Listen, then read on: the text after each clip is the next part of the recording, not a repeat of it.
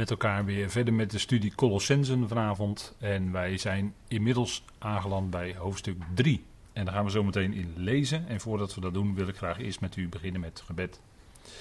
Vader, we danken u dat we u mogen danken, loven en prijzen voor uw goedheid en genade die u dagelijks ons doet toekomen. Overvloedig. Vader, dank u wel dat we leven in die tijd waarin genade regeert. Dank u wel voor uw geliefde zoon die alles voor ons heeft overgehad is opgewekt uit de doden en nu aan uw rechterhand is. Dank u Vader dat we dat evangelie naar ons toe krijgen met het bewustzijn. Dank u wel dat we daar ook vanavond over na mogen denken met elkaar. Geeft u leiding en wijsheid door uw geest in het spreken, maar ook in het beluisteren. Dat het in ons hart mag neerdalen en uitwerking mag hebben in ons leven van elke dag. Vader, dat ons leven, ons denken, ons hart mag zijn tot eer van u. We danken u voor uw goedheid en trouw. Dat we keer op keer de gelegenheid hebben om dit te kunnen doen. En we danken u dat we er naar uitzien om dat moment van de bazuin mee te maken. Misschien bij leven, Heer, als dat zo is, zou dat geweldig zijn. Maar dank u wel dat u het bepaalt en dat we mogen weten, Heer, dat we bij dat moment al onze geliefde ontvallenen weer zullen terugzien. We danken u daarvoor. We danken u voor dat uitzicht. We danken u voor die heerlijkheid die wacht.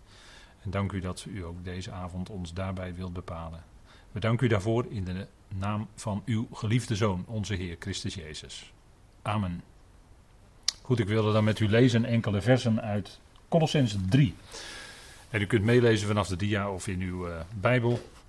En dan beginnen we bij vers 1. En er staat: Indien jullie dan gezamenlijk opgewekt werden met Christus, zoekt wat boven is, waar Christus is, aan Gods rechterhand zittend. Wees bedacht op wat boven is, niet op wat op de aarde is, want jullie zijn gestorven en jullie leven is verborgen met de Christus in God. Wanneer Christus, ons leven, openbaar gemaakt wordt, dan zullen ook jullie met hem openbaar gemaakt worden in heerlijkheid. Breng dan ter dood jullie leden die op de aarde zijn, hoerderij, onreinheid, hartstocht, kwade begeerte en de hebzucht, die afgodendienst is waardoor de verontwaardiging van God komt over de zonen van de weerspannigheid. Nou, tot zover het gedeelte uit uh, Colossensen, waar we deze avond bij stil hopen te staan en deels ook nog een volgende keer. We gaan maar met elkaar kijken. En ik heb hier een uh, klein overzichtje van uh, hoofdstuk 3.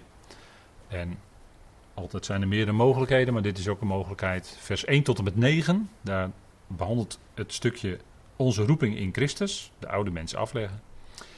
Vers 10 en 11, de nieuwe mens aandoen. Vers 12 tot en met 14, effect, liefde boven alles. Dan opnieuw onze roeping in het ene lichaam, vrede regeert. Vers 16, het woord van Christus inwonend. 3, vers 17 tot en met 4, vers 1, effect, liefde werkt door in alle relaties.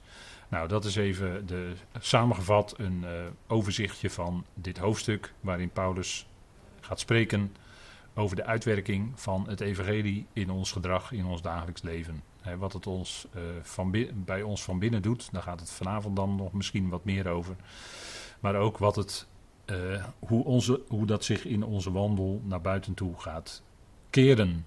hoe dat naar voren komt in onze dagelijkse levenswandel. Daar gaat hoofdstuk 3 en hoofdstuk 4 ook met name over de uitwerking van het evangelie. En natuurlijk staat in de Colossensbrief, dat hebben we gezien, de, het geheimenis van Christus centraal. Dus Christus wie hij is. Als hoofd boven alles was het in de Efezebrief nog zo dat Christus vooral gezien werd als hoofd van het lichaam. En lag de nadruk op dat lichaam van Christus. Maar hier in Colossense ligt de nadruk op Christus als hoofd van het lichaam. En zelfs als hoofd over alles. Hij is het hoofd van alle overheid en gevolmachtigde. Of uh, moet ik zeggen, soevereiniteit. dat woord uh, wat staat, hij is daar het hoofd van. Dus hij staat daar boven, dat mogen duidelijk zijn.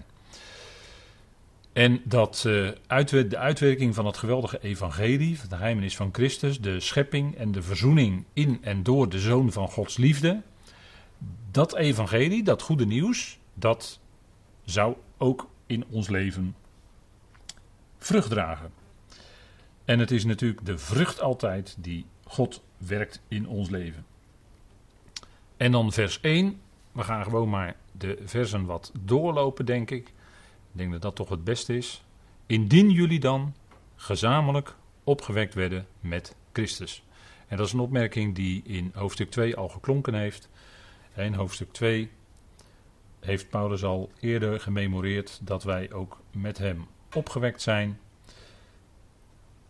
In vers 12 van hoofdstuk 3, er staat gezamenlijk, of eh, van hoofdstuk 2, pardon. Er staat gezamenlijk met hem begraven in de doop. In hem ook werden jullie gezamenlijk opgewekt.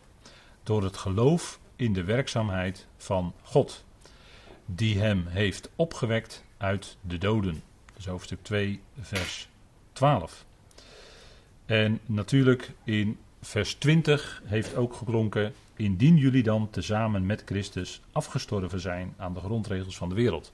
Dus zijn dood en opstanding en opgewekt zijn uit de hemelen, of uh, uit de doden, sorry, is bepalend wat Paulus nu gaat zeggen. Hij zegt: Indien jullie dan gezamenlijk opgewekt werden met Christus.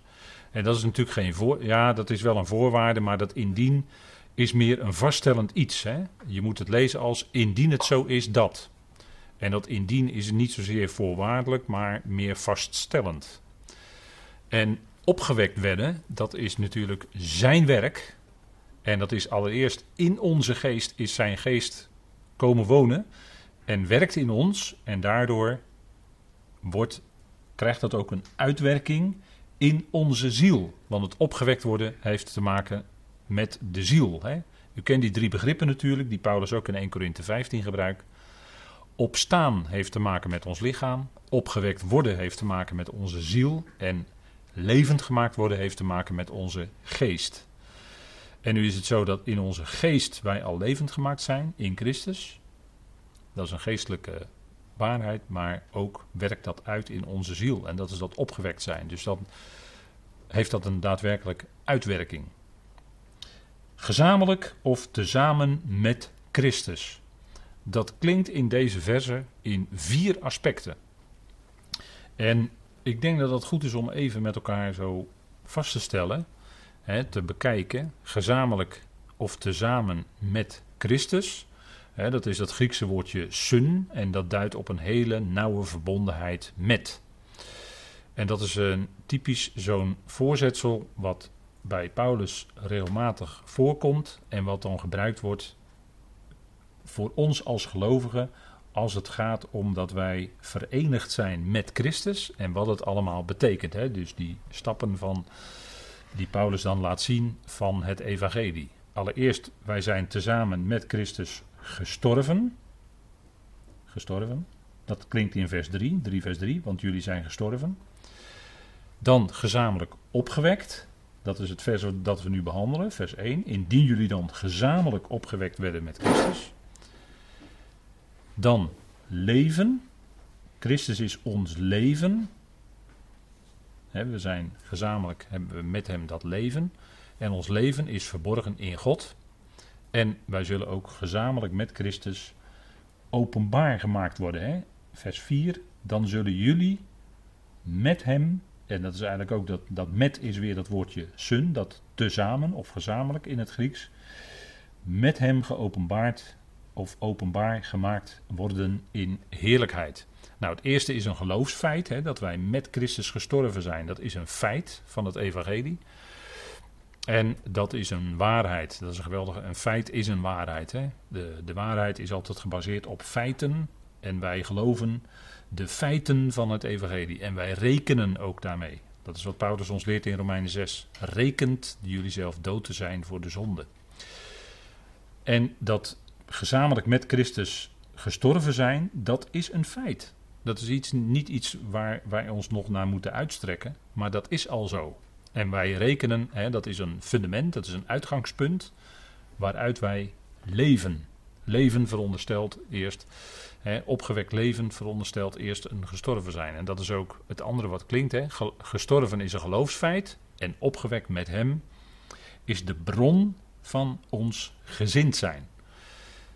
Paulus heeft het op, uh, we vertalen dat met bedacht op, hè, wees bedacht op. Maar er staat eigenlijk het woord gezind zijn in het Grieks. En daar zullen we ook nog bij stilstaan.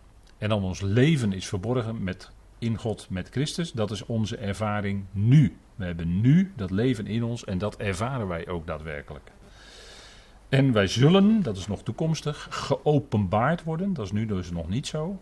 Met hem in heerlijkheid. En ik wilde met u naar kijken wanneer dat eventueel kan zijn. Dan zijn er ook nog wat tegenstellingen, want Paulus die verduidelijkt altijd ook de dingen met tegenstellingen. De schrift doet dat vaker. En hier lezen wij dan wat tegenstellingen in dit stukje. Op aarde bedacht zijn op wat boven is, niet wat op de aarde is. Dus de tegenstelling is dan op aarde ten opzichte van boven, gestorven ten opzichte van leven en verborgen leven ten opzichte van geopenbaard worden. Dat zijn tegenstellingen. Dus ik denk dat het eventjes goed is met elkaar om dat even te realiseren. En dan ligt natuurlijk de nadruk op boven, leven en ja, verborgen leven, geopenbaard worden. Dat zijn de accenten. Kijk, ik refereerde er net al even aan de Romeinenbrief. Daar staat: Wij werden dan, Romeinen 6, vers 4, wij werden dan begraven met hem door de doop in de dood. Dus niet de doop in water, maar de doop in de dood. Opdat evenals Christus werd opgewekt uit de doden door de heerlijkheid van de Vader, ook wij zo in nieuwheid van leven wandelen. Nou, dat is, de, dat is het gevolg hè, daarvan. Wij zijn samen met hem opgewekt. En het resultaat ervan is dat wij wandelen in nieuwheid van leven. Dus niet langer dat oude leven, want dat is begraven, dat staat hier. Hè. Wij werden dan begraven met hem door de doop in de dood. Opdat evenals Christus werd opgewekt uit de doden, ook wij in nieuwheid van leven wandelen. Hij wandelt nu in nieuwheid van leven, zo ook wij. Dat is de logische consequentie van het evangelie. Dit is natuurlijk in Romeinen een eerder bekendgemaakte waarheid dan Colossense, want Romeinen werd eerder geschreven dan Colossense. Maar Paulus bouwt daarop voort. Hè. Romeinen is het geweldige fundament.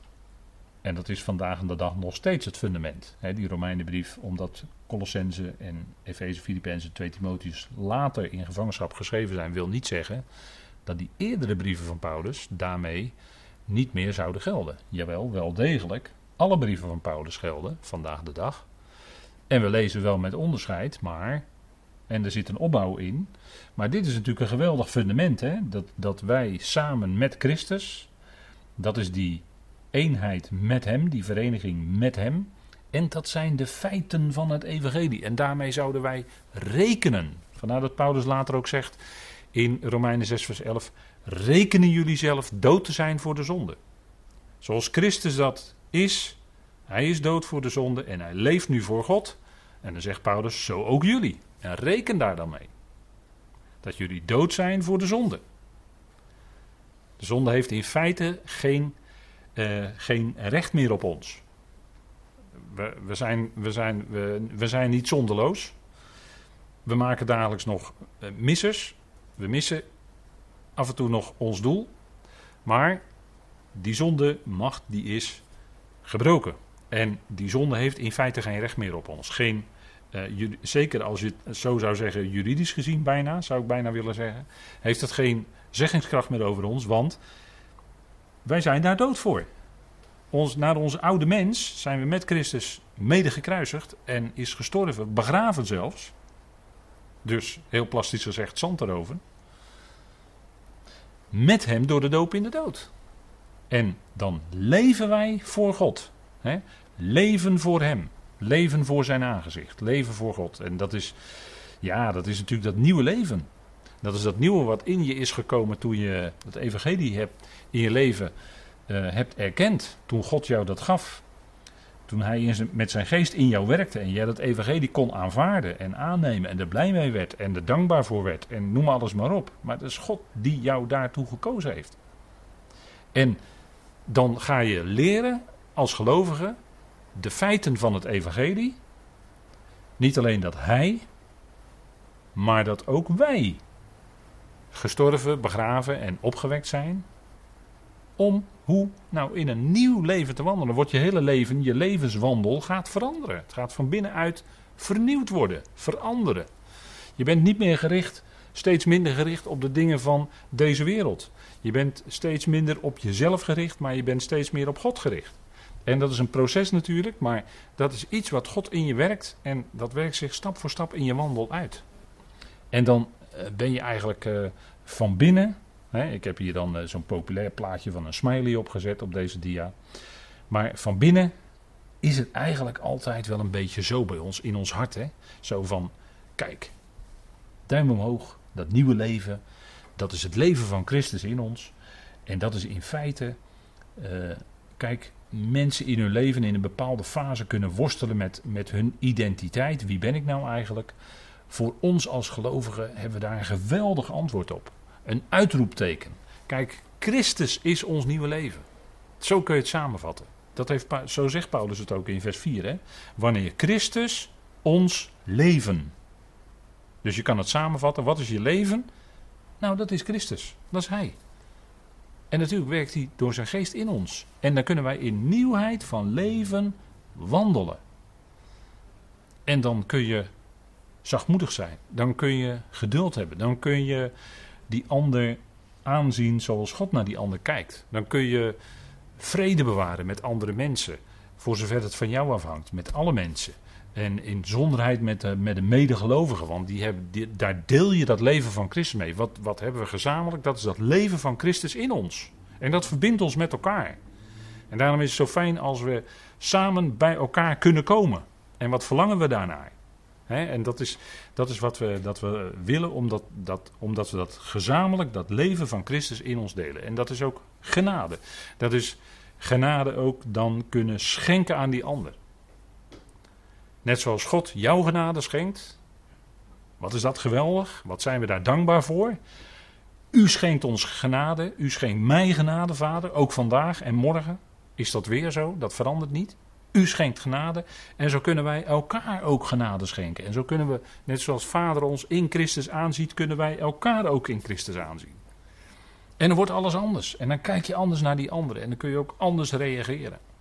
Kijk, in de wereld hoeven we niet te vragen. Is, het vaak, is het vaak, helaas, dat mensen uit elkaar gedreven worden? Is het vaak in menselijke verbanden, vroeg of laat, wordt het uit elkaar gedreven om welke reden dan ook. En dat is allemaal moeilijk. Is er vijandschap, is er nijd, is er, eh, noem al die akelige dingen maar op.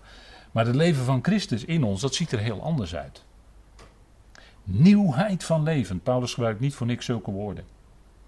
Nieuwheid van leven. Een leven wat nooit meer eindigt. Het is niet alleen eonisch leven, maar het is leven wat nooit meer eindigt. En na de eonen hoeven we geen, dat niet meer te benoemen, want dan heeft iedereen leven natuurlijk. Maar in de komende eonen hebben wij zelfs het voorrecht gekregen dat we eonisch leven hebben. Dat is geweldig. Dat oude is begraven.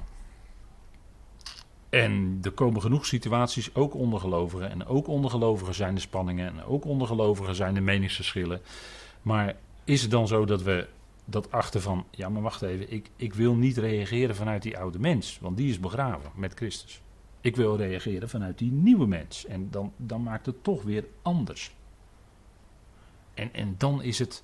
Ja, ja, dat is... En als, als je dat bij elkaar merkt, dan is dat dan komt als het ware van binnen die glimlach weer op je, in je hart. Hè, die glimlach in je hart, laat ik maar zeggen. De buitenkant vind ik allemaal niet zo heel erg belangrijk hoor. Je, je hoeft niet per se altijd met een big smile rond te lopen. Maar van binnen wel. Van binnen loop je wel met een smile rond. Want je, je mag hem kennen en hij kent jou. En je bent bij God geliefd. Een vorige keer hebben we gememoreerd wat, wat de bekende Bijbelleraar wel eens zegt. En dat vind ik een rake uitspraak. Hè? God schrijft nooit mensen af, maar hij schrijft mensen in. Waarin? In zijn hart. En dat is, zo is het. En, en laten we dan ook elkaars namen, als we leden zijn van het lichaam van Christus, in ons hart schrijven. Net zoals God het doet. Hè? Bij wijze van spreken. Het is maar een, uh, ik, ik, noem maar wat. maar ook, dan, dan kun je ook met elkaar onderling in nieuwheid van leven wandelen. Op een andere manier omgaan. En mensen merken dat toch. Mensen merken dat toch aan je. Als jij anders reageert, Als je bijvoorbeeld niet meegaat in alle roddels van de buurt. Als je bijvoorbeeld niet meegaat in. Nou, moet ik nog verder nog allemaal dingen invullen? Ik denk dat u het zelf wel in kan vullen. Hè? Dan wordt het toch opgemerkt. Hey, jij bent anders, want jij doet dat niet. En, en, en dat, dat merken mensen dan toch op. En ik denk dat er toch, eh, dat er toch iets van uitgaat, hè, van jouw houding. Het is niet zozeer wat je allemaal zegt, want mensen kunnen zo ontzettend veel praten en zo ontzettend veel zeggen. Ik, waarvan ik dan regelmatig denk, joh, wat heb je nou allemaal gezegd, joh. Maar het gaat erom dat mensen ook bij jou signaleren hoe jij bent. Hoe is nou jouw zijn? Dat is belangrijk. En, en dat, komt, dat komt onherroepelijk naar buiten toe. En ook ongelovigen zullen dat kennen en erkennen. En uh, ik denk dat dat toch uh, punt is. Hè? Dat oude is dan begraven. Kijk, die oude mensheid. En als we om ons heen kijken, dan zien we het, dan zien we het getop van die oude mensheid. Waarvan wij dan mogen weten, ja, godzijdank is daar al een einde aan gemaakt aan het kruis. En het is een uitwerking en dat duurt nog heel lang. God neemt de tijd ervoor. Maar er zal een moment komen natuurlijk dat die hele oude mensheid is allemaal weg. En dan is er alleen nog die hele nieuwe mensheid, maar dat is echt hele nieuwe mensheid. Iedereen is er dan bij, hè? Al miljarden mensen, allemaal. Ook de in onze ogen grote misdadigers. En natuurlijk, daar moet er recht op komen, er moet recht gedaan worden, zeker, maar de grote witte troon komt ook nog. Maakt u zich daarover geen zorgen. Dat doet de Heer zelf wel. Maar dan gaat die, die hele nieuwe mensheid, die gaat dan komen. En moet je, moet je je dan voorstellen, die hele nieuwe mensheid. Allemaal nieuw gemaakt. Met Christus als, als, uh, als, als centrum daarin. Nou, dat is natuurlijk geweldig. En, en zo zal het dan altijd blijven. Die nieuwe mensen. Dat gaat niet meer veranderen. Het is niet zo dat het dan daarna weer een keer uh, kwaad komt of zonde of zo. Nee, het kwaad en de zonde zal natuurlijk eens, voor eens en voor altijd weggedaan zijn uit Gods universum, uit Gods schepping. Dat zal dan geen plaats meer hebben. En dat is natuurlijk geweldig. En dat, dan, dan is inderdaad de eindeloze eeuwigheid aangebroken. Dat is als God alles in alles is. Maar dan ook echt alle. En dat is natuurlijk geweldig dat we dat mogen weten. En alleen dan met die wetenschap kun je al anders leven nu. Want het is dan heel praktisch. Hè?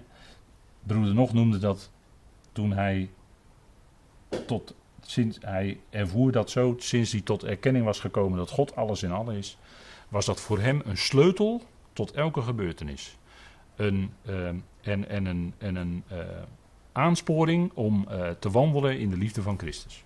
Omdat hij wist, eens zal God alles in alles zijn. En ook diegene die ik ontmoet in mijn leven en die zo moeilijk doet, die zo moeilijk doet, mensen kunnen zo tegenstaan.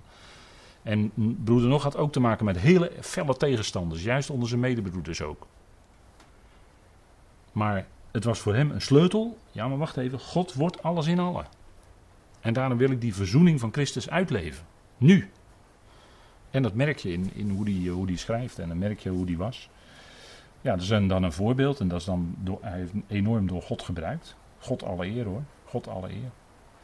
En zo ook wij in nieuwheid van leven wandelen. Als we naar Christus kijken, die wandelt nu in nieuwheid van leven, zo ook wij. Nou, dat is natuurlijk geweldig hè, zoiets. Dat is het fundament en dan is de verdere waarheid, niet alleen dat wij eh, met hem opgewekt zijn, maar de verdere waarheid, en die komen we in Efeze tegen, is dat hij verheerlijkt is. Christus is niet alleen gestorven, begraven en opgewekt, maar de verdere waarheid is dat hij ook verheerlijkt is. En ook wij. Wij zijn tezamen met hem opgewekt, levend gemaakt, ja, maar ook gezet in de hemel, te midden van de hemelingen. Efeze 2, vers 6 en 7. Dus daar gaat het verder. Hè? Romeinen legt geweldige waarheden neer. Efeze gaat nog een grote stap verder en zet ons als het ware met Christus boven te midden van de hemelsen. En dat is natuurlijk geweldig. Dat is een toekomst, hè? Kijk, en als we ons afvragen, waar is Christus? Dan geeft Efeze daarop het antwoord. Hij is gezet te midden van de hemelsen, boven alle overheden en machten en krachten en hij staat aan de top. Hij is aan Gods rechter. Ja, dan kan je zeggen kant of hand, maakt niet zoveel uit, want dat is toch in dun druk, hè? Maar hij is aan Gods rechter. Dat is de plaats van waardigheid. Hij is waardig. Hij heeft waardig die plaats gekregen. God heeft hem uitermate hoog verhoogd en hem de naam gegeven boven alle naam. Hij is verheven boven alle anderen.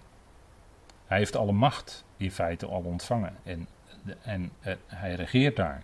En het zal op aarde ook duidelijk worden. Het zal ook in de tijd uitgewerkt worden. Als hij komt en zijn voeten zet op de Olijfberg. Kijk, die verheerlijking van Christus, dat hij verheerlijkt is aan de rechterhand of kant van God. Hè, in Psalm 110 is dat ook. Dat hij, die had daarover geprofiteerd. Dat zeggen eigenlijk alle apostelen.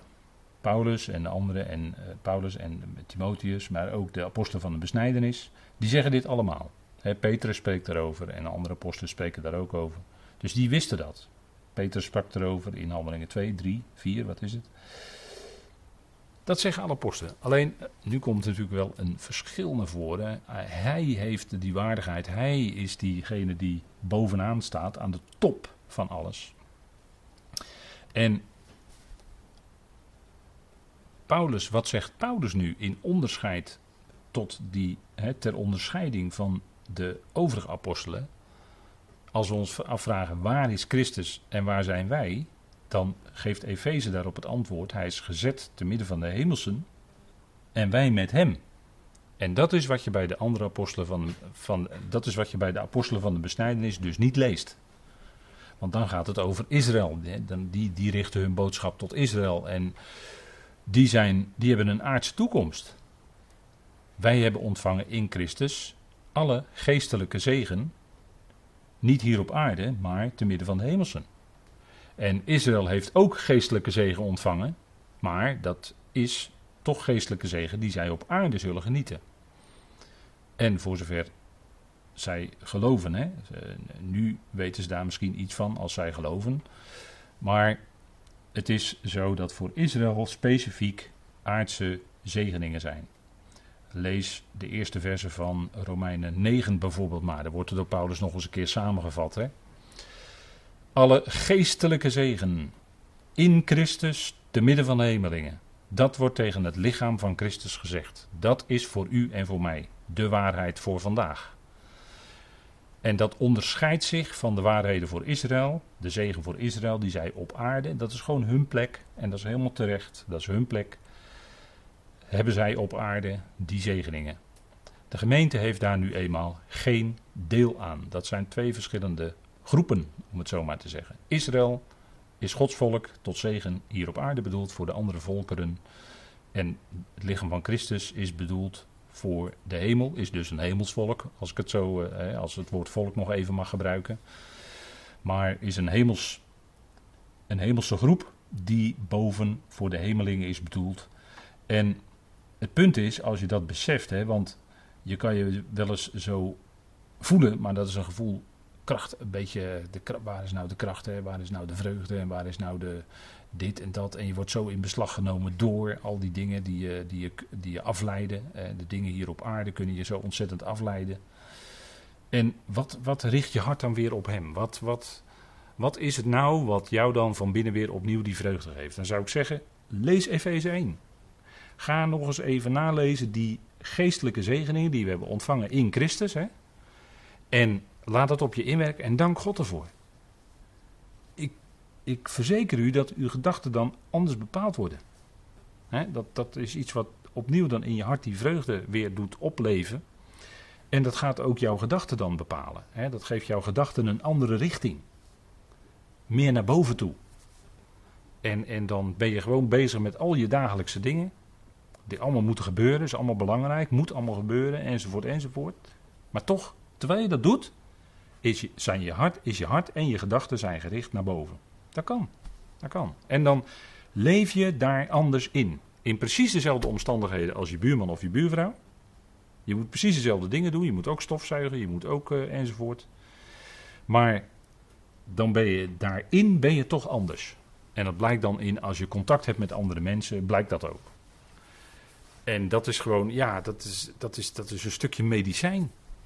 Kijk, je hebt in de, in de winter, als je in de wintermaanden bent, we hebben een prachtig auto-immuunsysteem. En dat is zelflerend bij, jong, bij kindertjes. En daarom moeten kinderen ook elkaar en andere mensen veel aanraken en geknuffeld worden. Dat is goed voor, je, voor de opbouw van het auto-immuunsysteem bij kinderen. Juist, juist kinderen moet je geen afstand tot bewaren. Juist niet. Juist niet. Maar dan wordt het auto-immuunsysteem wordt opgebouwd tot ongeveer 20, 25 jaar. En dan is, het, uh, dat, dan is dat voltooid. En dat is zelflerend. Als het eenmaal een.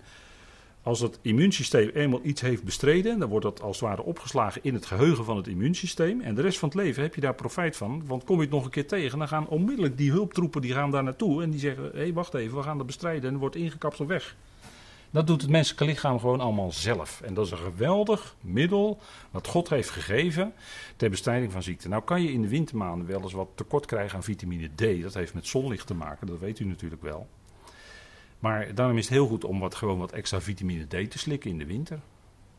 Ja, ik ben geen huisarts, maar ik weet wel dat dat helpt voor je immuunsysteem. En het is gewoon een goed middel. Gewoon iets, eh, of vitamine C kan je ook gewoon bijslikken. Sinaasappels eten, mandarijntjes eten, fruit eten. Dat is gewoon goed voor een mens. Gewoon simpele dingetjes.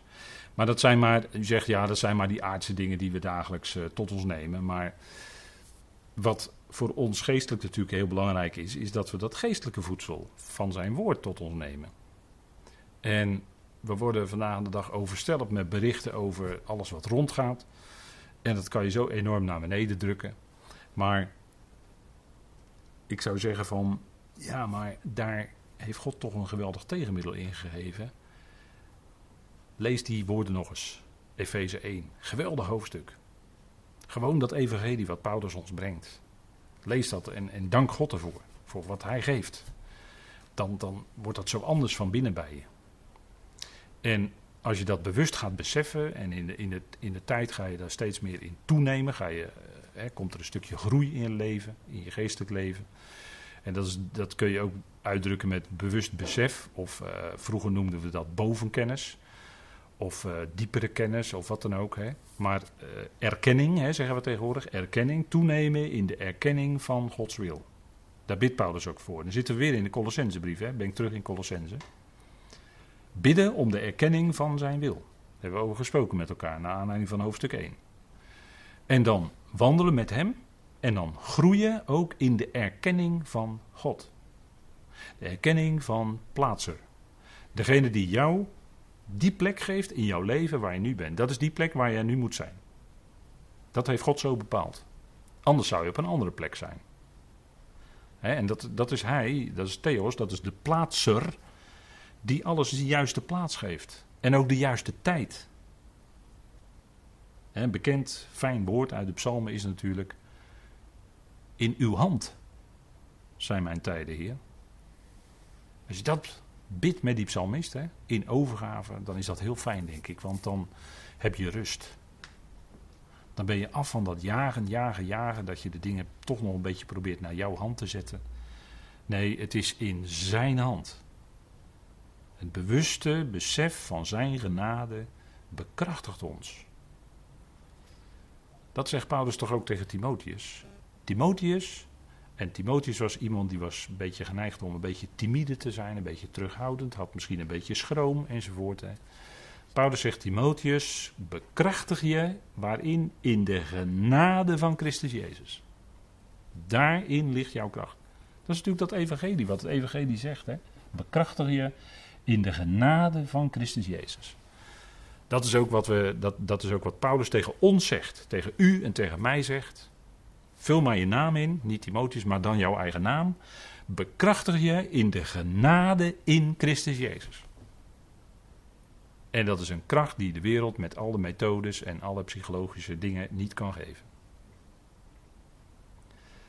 Het bewuste besef van zijn genade, dat bekrachtigt ons. Dat geeft ons kracht, dat verandert je denken. want het gaat allereerst om dat ons denken veranderd wordt. Ik zou daar best wel wat over willen vertellen. Maar men is heel erg uit op het beïnvloeden van, van het denken van de mensen. Specialisten weten dat dat heel belangrijk is. Het denken van de mensen gedachteveranderaars. Een, uh, een boek wat geschreven werd jaren geleden door een uh, oud docent van mij. Dat is uh, Rob Matsken, inmiddels overleden door een tragisch ongeluk, jaren geleden. Maar die had het over psychonauten. De psychonauten zijn geland. Het was een heel goed boek, want het opende je ogen voor de gedachtenveranderaars van deze wereld. Die er heel bewust, planmatig op uitgestuurd worden. Waarom? Om de gedachten van u, jou en mij te veranderen.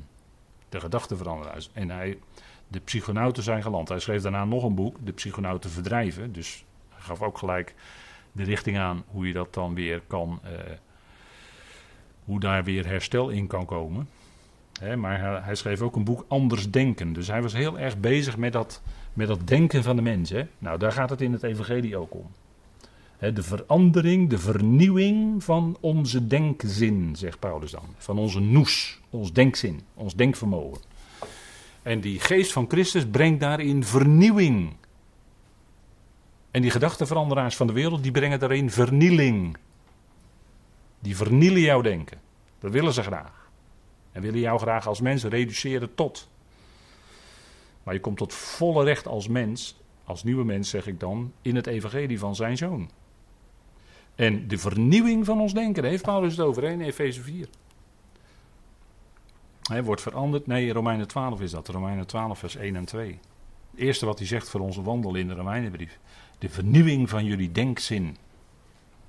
Je lichaam stellen tot een levend, heilig en God welgevallig offer. En laat je niet omvormen met door de gedachte van deze aion, van deze tijdgeest, de tijdgeest van deze aion, maar wordt vernieuwd in je denken. En er is geen grotere kracht om jouw denken ten goede te veranderen dan het evangelie. Want dat is kracht van God tot redding. Tot redding ook van jouw denken, van jouw denkvermogen. Een kracht van God tot redding, zegt Paulus in de eerste, eerste hoofdstuk al van de Romeinenbrief. Kracht van God. En dat verandert jouw denken ten goede. Het richt je op God. Het richt je op Christus. Op wie, wat, wat zij doen, wat zij gedaan hebben en doen en, en wie zij zijn. Dat is gezond voor jouw denken. En, en, uh, ja, dat is, en we worden hier gericht hè, in, in, in het evangelie van het geheimenis van Christus. In de Colossensebrief. Geweldig evangelie van de schepping en de verzoening in de zoon van zijn liefde. Daar wordt al onze aandacht wordt dus gericht, wordt gefocust. Dat is een heel mooi modern woord hè, tegenwoordig. Waar ligt je focus op? Dus waar ligt jouw aandacht op? Het, het evangelie vestigt onze aandacht op God en Christus. Daar gaat het om. En als we omhoog kijken naar hen, dan verandert dat ons denken, dan verandert dat ons wezen, dan verandert dat hoe we in het leven staan. Dat is enorm belangrijk en daar is Paulus mee bezig. Kijk, en daarom zegt hij ook, hè, wij zijn boven gezet met, met Christus te midden van de hemelsen. Hè, waar is Christus? In de hemel. Waar zijn wij? Geestelijk gezien in de hemel. Daar, daar zou dus onze belangstelling liggen. Zoekt, zegt Paulus dan ook, wat boven is kan je ook afvragen in je leven. Hè? Wat zoek je nou eigenlijk? Wat zoek je nou? Waar ben je nou mee bezig? Wat, wat zoek je? Wat wil je dan? Paulus zegt: zoek wat boven is. Waar Christus is. Meer reden hoeft hij niet te noemen. Waarom zou je zoeken wat boven is? Nou, dat is Christus. Dan heb je genoeg reden, dan heb je gelijk het antwoord. En dat houdt in. Kijk, zoek wat boven is. Wat, zoek wat onze God en Vader welgevallig is. En we kunnen ook en dat kan, uh, ja, het woord valkuil vind ik uh, altijd een beetje lastig, maar goed, laat ik het toch maar zo. Uh, voor ons kan zijn dat we heel erg kijken naar de ogen van mensen. Wat vindt die van mij, wat vindt die van mij, wat vindt die van mij, Hoe, doe ik het voor die wel goed, doe ik het voor die wel goed, voor die, die, die, die. En daar kan je de hele dag mee bezig zijn, daar word je heel erg moe van, op een gegeven moment. Ik zeg niet dat, het, dat je onverschillig wat, wat iedereen is of denkt, dat je daar onverschillig langs heen moet leven, dat zeg ik niet, maar het gaat er in de allereerste plaats om, hè, als, als je even rangorde wil geven van wat is nou belangrijk en wat is nog belangrijker. Nou, zoek wat onze God en Vader welgevallig is. Dat zou bovenaan staan. En dat betekent ook tegelijkertijd, dat hangt er natuurlijk heel nauw mee samen, zoek in de schrift. Eventueel vorst dat na.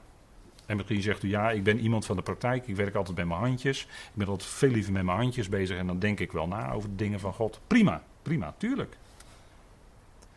En, en voor zover je het eh, kunt en wilt en in je vermogen ligt, noem alles maar op. Uh, maar iedere gelovige uh, heeft toch belangstelling voor wat zegt God nou? Wat zegt Gods woord nou? Kan je ook luisteren. Tegenwoordig hè, kan je gewoon, je, je hebt toch altijd je smartphone bij je. En als je dan eh, aan het wandelen bent, dat doe ik tenminste wel, wandelen of fietsen, dan uh, doe ik lekker mijn dopjes in, dan ga ik lekker luisteren. Dan ben je, dan heb je, ben je even los van al die beslommeringen en dan kun je even gewoon lekker luisteren. Kun je doen, want je pikt er altijd wat van mee. Dat is mijn ervaring. Je kan nooit eh, een uur of anderhalf uur geconcentreerd alles in je opnemen wat gezegd wordt, maar je pikt altijd goede dingen mee. En je leert altijd weer opnieuw. En na verloop van jaren beluister je misschien dezelfde studie. Er zijn mensen die zeggen, die en die studie, die luister ik nu al voor de derde keer en nog hoor ik nieuwe dingen. Ja, dan, denk, dan zeg ik, ja, dat is mijn ervaring ook. Dat heb ik zelf ook. Als je bepaalde studies hoort en dan hoor je ze jaren later weer, dan denk je, wat jongen, jongen. En dan ben je zelf, en dan merk je dat je zelf toch wat meer verdiept bent geworden. Kijk, zoek wat boven is. En die dingen, die, die zijn, dat zijn gewoon fijne dingen. Wat onze God en Vader welgeval is. Hè? ja, dan denk ik toch net weer even terug in de versen die we net even voor, voor ogen hadden. Romeinen 12. Het goede, het welgevallige en het volkomene. Daar heeft Paulus het toch over. Hè, dat we dat daarmee bezig zijn. Nou, dat blijkt wel uit die schrift wat het is. Wat vader welgevallig is, blijkt uit de schrift. En, en dat is gewoon fijn dat je die dingen dan leert. He, dus niet van, het is nooit zo bij Paulus. En dat, dat wil ik dan ook aan het begin, als we weer naar hoofdstuk 3 en dan gaat het over onze wandel. Dat is heel fijn, heel fijn. Dan, dan worden we steeds met, op puntjes worden we aangesproken. Maar het is nooit bij Paulus zo dat hij zegt, nu moet je dit en nu moet je dat, nu moet je dat. Want anders, nee. Hij is nooit bezig opleggen. Hij is altijd bezig ons adviezen te geven. Kijk, als je nou dat evangelie kent, hè, dan zegt hij eigenlijk, kijk, dan werkt dat zo in de genade uit in jouw wandel. En schiet je tekort, dan ben je bewust. Maar we leven in genade. We leven in genade. En daarom gaat vader altijd weer met jou verder. Tuurlijk, hij houdt van je. Je kunt nooit uit zijn genegenheid wegvallen. Of hij trekt nooit zijn genade van jou terug. Dat is onmogelijk. Want er is geen veroordeling voor degenen die in Christus Jezus zijn. Dus dat kan niet. Dat is onmogelijk. Maar wel is het zo dat Paulus ons wel allerlei adviezen aanreikt. En misschien zegt u van, ja, soms wel dringende adviezen. Ja, zeker, zeker, dringend. dringend. Dan dringt de geest aan hè, door de pen van Paulus. En dat is ook goed dat, je, dat, we, dat, ons, dat we dat lezen, dat we dat ons ter harte nemen. Daar worden we op aangesproken, dat is goed. En, en dan worden we steeds bij bepaald bij al die aspecten van ons leven. En dan kunnen we ons leven, hè, dan in afhankelijkheid van Vader, gaat Hij met ons verder. Hè. Nou, zoekt wat boven is waar Christus is. Kijk, die, we zeggen dan wel eens, wandelt in de geest, hè, zegt Paulus ook in Gelaten 5. Wandelt in de geest. En wat is dan automatisch het gevolg daarvan? Dat je niet wandelt naar de begeerte van het vlees. Maar het punt is, Ehm, om het zo maar te zeggen. Hij zegt, Paulus zegt daar in Gelaten 5, heel, als, een hele, hè, als een hele goede aanreiking, heel goed, heel duidelijk advies van God. Wandelt in de geest.